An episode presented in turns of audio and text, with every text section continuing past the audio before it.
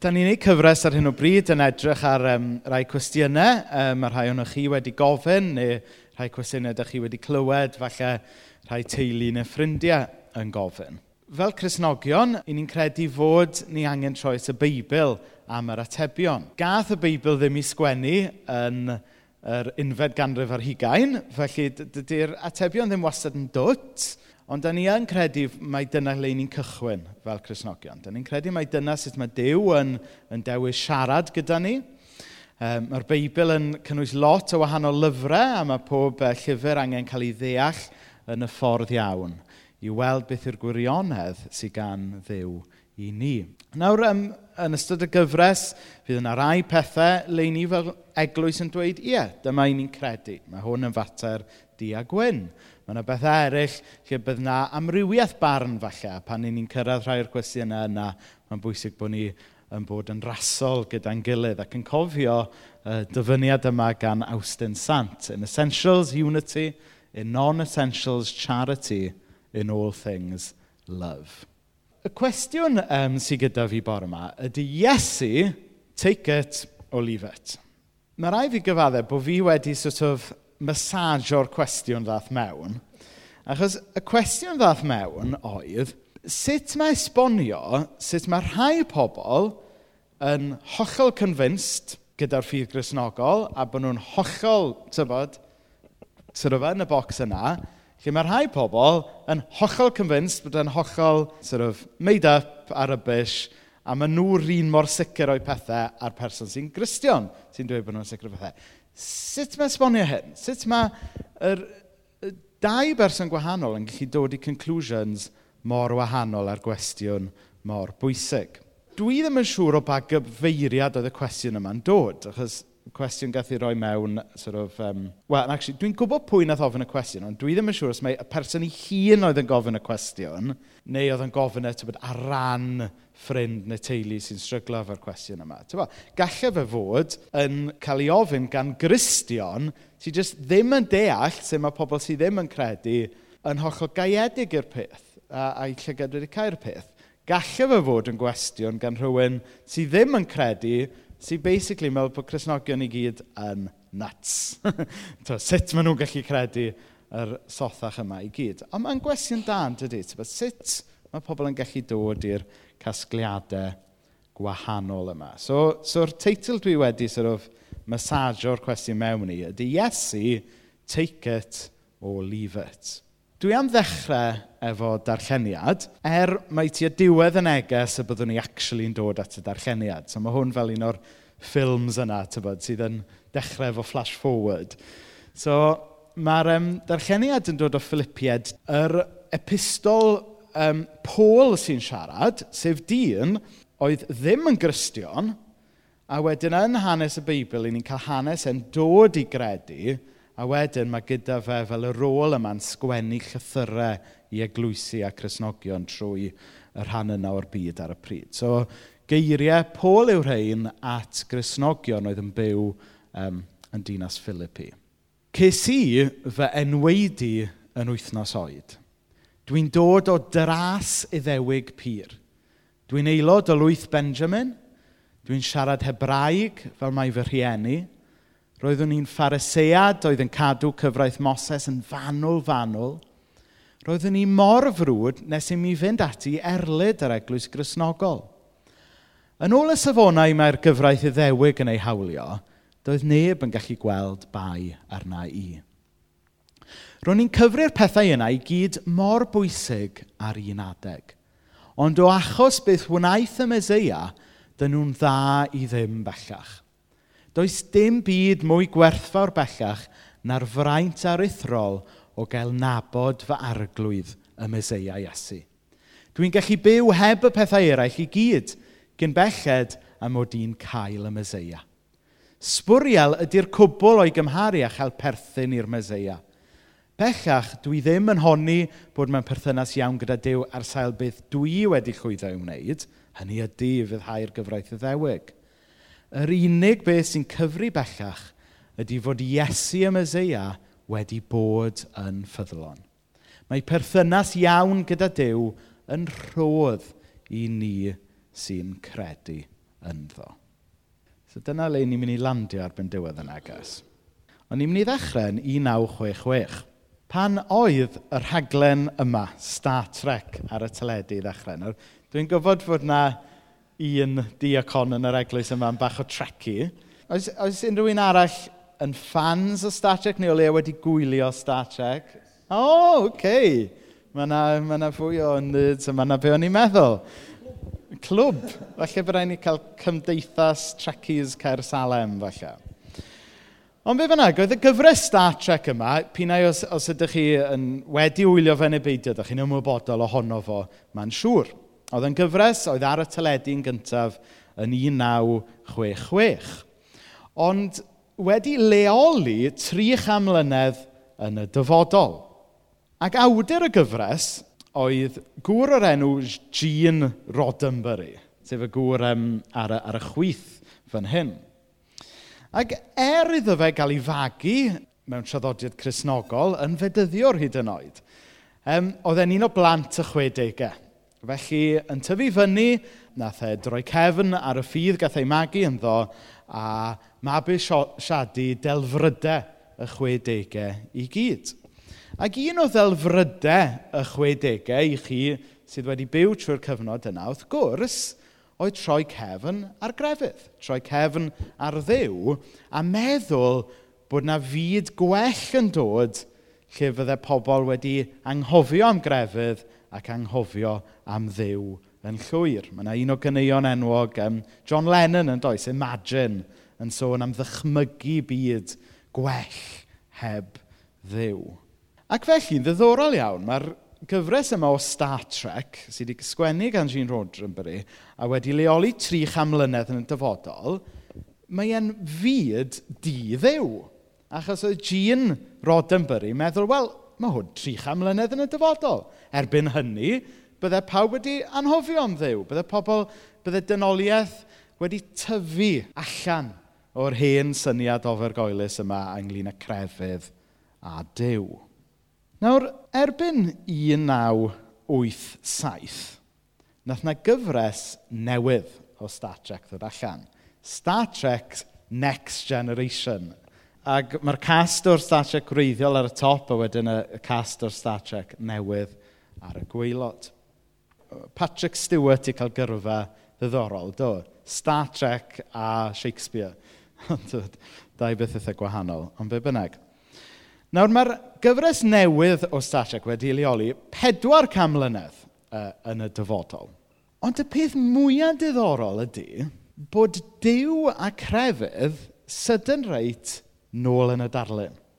Yn y gyfres wreiddiol gath ei sgwennu yn y 60au, oedd dim sôn am ddew, dim sôn am crefydd, achos, chyfo, oedd o'n y dyfodol. Oedd byddai pobl wedi tyfu allan o'r busnes credu yma mewn dew. Ond erbyn diwedd yr 80au mewn i'r 90au, oedd y deallusion, yr awduron ac yn y blaen, wedi sylweddoli fod y cenhedlaeth y 60au bach yn naif a bod Dyw a crefydd actually ddim yn mynd yn lle. Os rhywbeth mewn i'r 90au oedd pobl yn gweld bod y byd yn mynd yn fwy crefyddol a bod pobl yn credu mewn mwy o ddiw. A bydde fe ddim yn rhywbeth bydde dynoliaeth jyst yn rhyw ysgwyd i ffwrdd wrth bod ni'n mynd i'r byd modern. A mae jyst y, y ddau stori yma rhwng y ddau gyfres o Stratchec jyst yn dangos i ni fod y bobl sy'n meddwl bod crefydd a dew jyst mynd i sort of fynd i ffwrdd yn y byd modern, bod nhw'n anghywir. A os gwrs, chi'n dweud, wel, bydde ti'n dweud hynna, Rhys, ti'n weinidog. Ond mae pobl sy'n astudio um, seicoleg, um, pobl sy'n astudio um, cymdeithaseg yn dod i'r un casgliadau hefyd. Mae rhan fwyaf um, o sosiolegwyr crefyddol nawr yn credu fod y thiri oedd o gwmpas yn y 60au a'r 70au fod crefydd jyst mynd i ddiflannu wrth i'r byd fynd yn fwy modern yn wrong. Achos, i chi'n edrych ar y byd heddiw, a'r gwledydd sy'n moderneiddio yn fwy a cyflym, gwledydd fel China, ydy'r gwledydd sydd hefyd yn gweld crefydd yn benodol chrysnogaeth yn tyfu gyflymau hefyd. Felly does dim link rhwng mynd yn fwy modern a credu llai mewn dew. Mae'n ddiddorol, yn dydy? Ac, um, a mae'n debyg, statistically, dros o leiaf dros y 40 mlynedd nesaf, bydd y byd yn mynd yn fwy crefyddol, neu yn llai crefyddol. Ar hyn o bryd, mae tua 16% o boblogaeth y byd um, ddim yn credu mewn unrhyw fath o ddew, a dros y 20 mlynedd nesaf, bydd hwnna'n mynd lawr i dim ond 12% o bobl yn, ddim yn credu mewn unrhyw fath o ddew. Mae yna dau rheswm tu ôl hyn. A maddeuwch i fi bod hwn mwy fel TED Talk na pregaeth ar hyn o bryd. Mae yna, mae yna, mae yna dau rheswm tu ôl i hyn. Yn gyntaf, y dau grefydd sy'n tyfu fwyaf ydy Cresnogaeth ac Islam.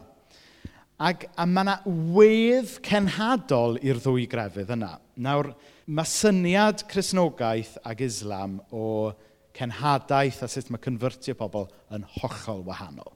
So pan i chi'n clywed rhywun yn dweud bod pob crefydd yr un peth, dydyn nhw ddim. Ond da ni ddim am fynd ar ôl hwnna'n benodol bore yma. So dyna rhan o'r heswm. Mae Cresnogaeth ac Islam a rhyw wedd iddo fe sy'n sydd isio fatha mwy i gredu yn yr un ffordd a nhw a ni.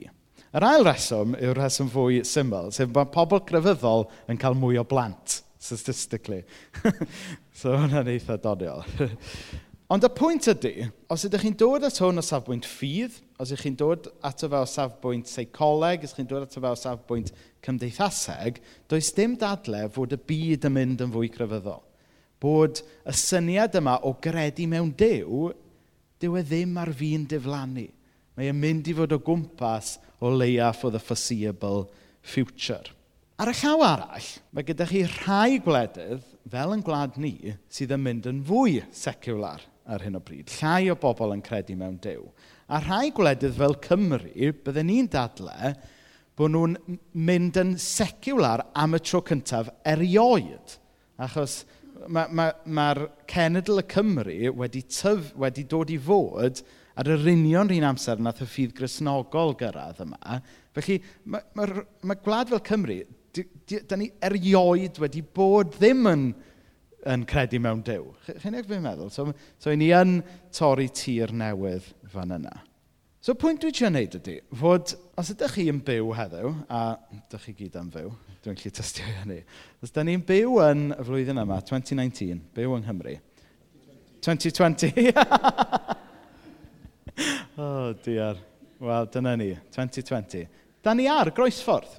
Mae'r ma byd a rywydd yn mynd yn fwy, fwy crefyddol, ond da ni'n byw mewn gwlad sy'n mynd yn llai crefyddol. Mae gyda ni bobl sydd yn credu yn hollol convinced yn New, a fel Cresnogion, Dyw yn Iesu Grist. Mae gyda ni bobl sy'n hollol convinced bod ni Cresnogion off yn pennau, a mae lol ydy'r cyfan. Da ni yn byw ar y groesffordd yma. A beth sy'n ddiddorol i fi ydy hyn?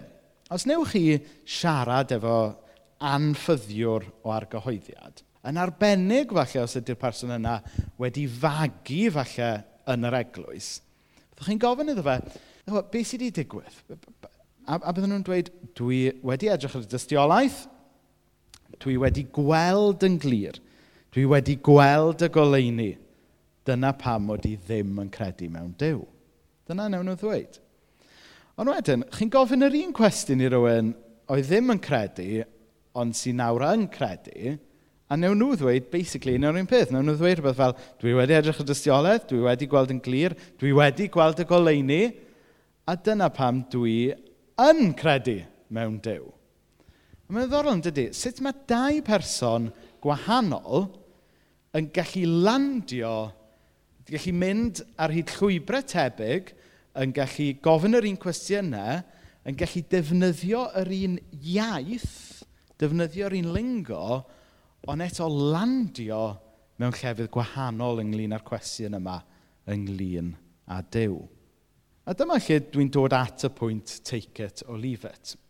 Ydy ni fel Cresnogion, ydy ni jyst yn dweud, wel, na ni, so, mae pobl jyst yn dod i gasgliadau gwahanol a mae rhaid ni barchu barn gwahanol mae yn bwysig bod ni yn parchu barn gwahanol, a fel Cresnogion mae'n bwysig bod ni yn parchu pobl sydd ar le gwahanol yn eu taith ysbrydol. Ond mae'r cwestiwn yma ynglyn â Dyw, mae e rhy bwysig i gael agwedd just take it or leave it. Dyw e ddim fel, meddylwch am rhywbeth fel cricket, chyfod.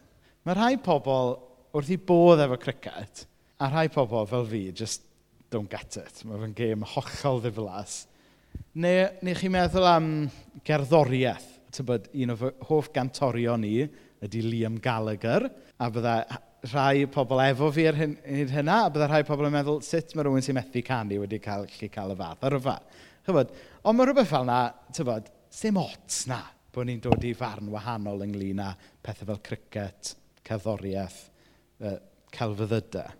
Ond ynglyn â'r cwestiwn o ddiw, mae'n fwy pwysig na hynna, dydy? Dyw e ddim yn gwestiwn y gallwn ni just i adael take it or leave it. Ac i chi sydd wedi gwneud y cwrs alfa, byddwch chi wedi dod ar draws um, yr dyfyniad yma o blaen gan C.S. Lewis. Christianity, if false, is of no importance, and if true, of infinite importance. The only thing it cannot be is moderately important.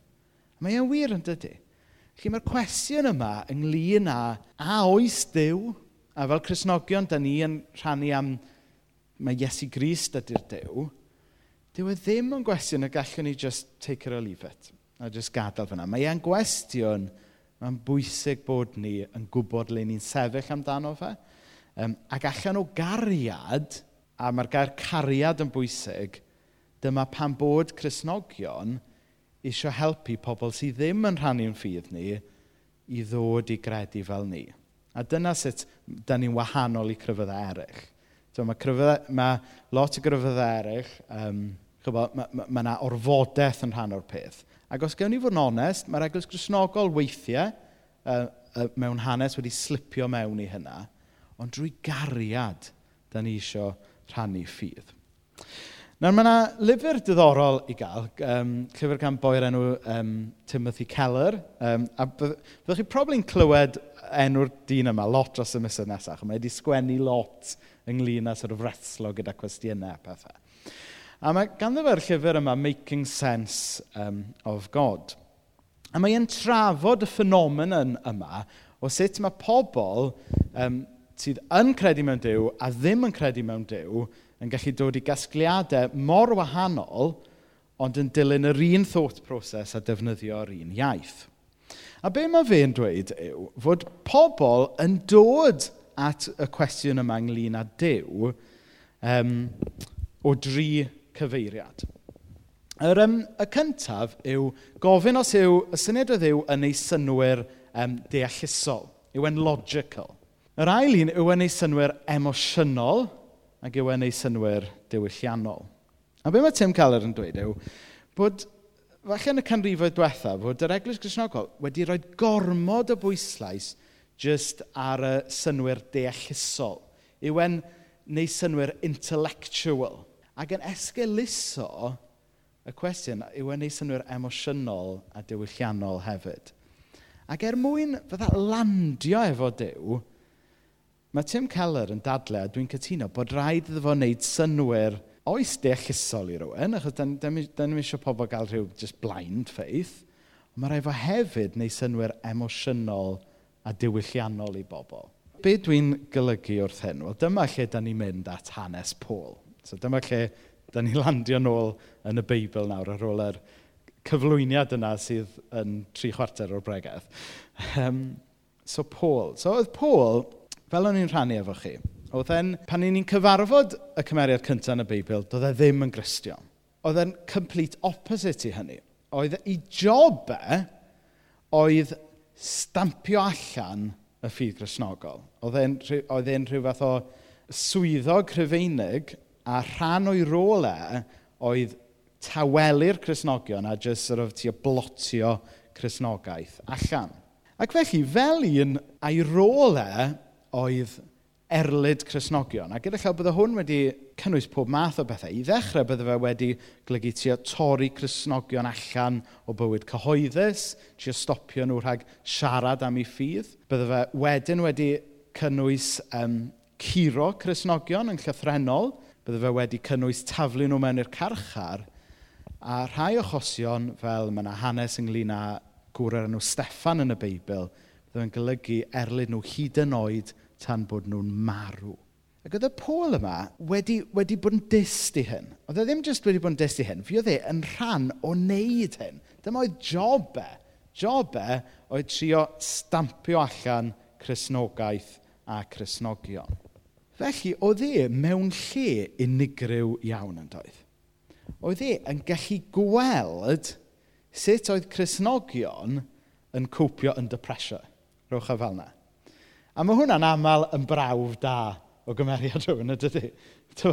Mae'n mae hawdd i ni gyd sort of hold it all together pan mae'r tywydd yn braf a sy'n lot o bwysau mewn bywyd. Ond tybod, mae cym, gwir gymeriad hwn yn dod allan pan da ni yn depresio, dydy. Ac oedd y Pôl, felly, wedi gweld ffydd y Cresnogion yma pan oedd pwysau arnyn nhw.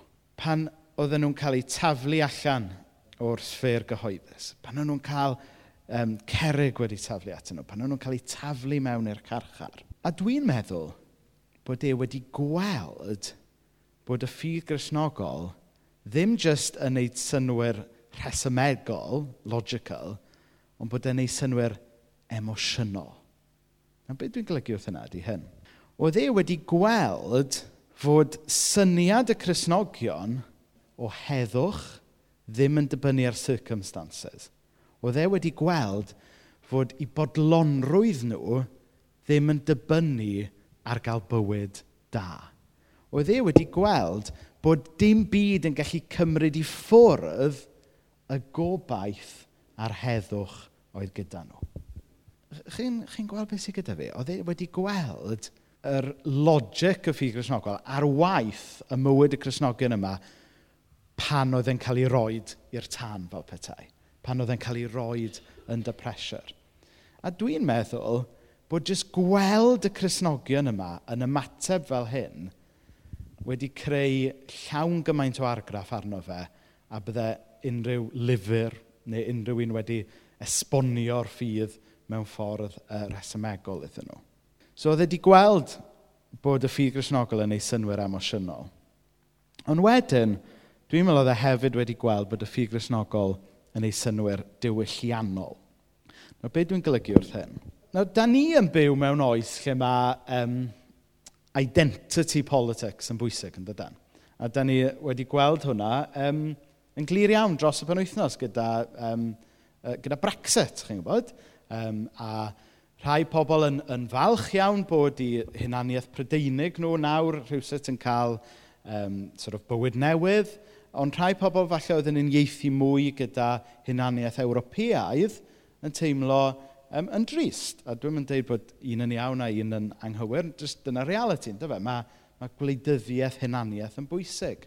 Da ni'n gweld hynna um, hefyd mewn gwahanol feisydd eraill. Ac ar rywydd, oedd dim byd gwahanol yn amser y Beibl. Mi oedd um, gan Pôl ddau hunaniaeth bwysig. Yn gyntaf, oedd e yn iddew o'r iawn rhyw. Oedd e'n true blood iddew. Ond oedd e hefyd yn ddinesydd rhyfeinig. So oedd, oedd sort of, sort of, um, sort of dual passport gyda fe, all, allech chi weid. Fel mae identities yn mynd, oedd Paul gyda'r gorau. Oedd hi pasbort, oedd dim literally pasbort efo, illustration purposes, oedd hi basbort i ddewig e, oedd e'n stamped to the hilt. Ac o'n i'n darllen hwnna yn yr, um, yn y dyfyniad. Cys i fy yn wythnos oed, dwi'n dod o dras y ddewig pyr, dwi'n aelod o lwyth Benjamin, dwi'n siarad hebraeg fel mae fy rhieni. Hynny yw, oedd, oedd fel mae hunaniaeth y ddewig yn mynd, hwn oedd y gorau. O'ch chi methu curo hwn. Oedd ganddo fe bop popeth oedd gan i hunaniaeth iddewig i gynnig iddo fe. Nawr, ar ben hynny, oedd e hefyd yn ddinesydd Rhyfeinig.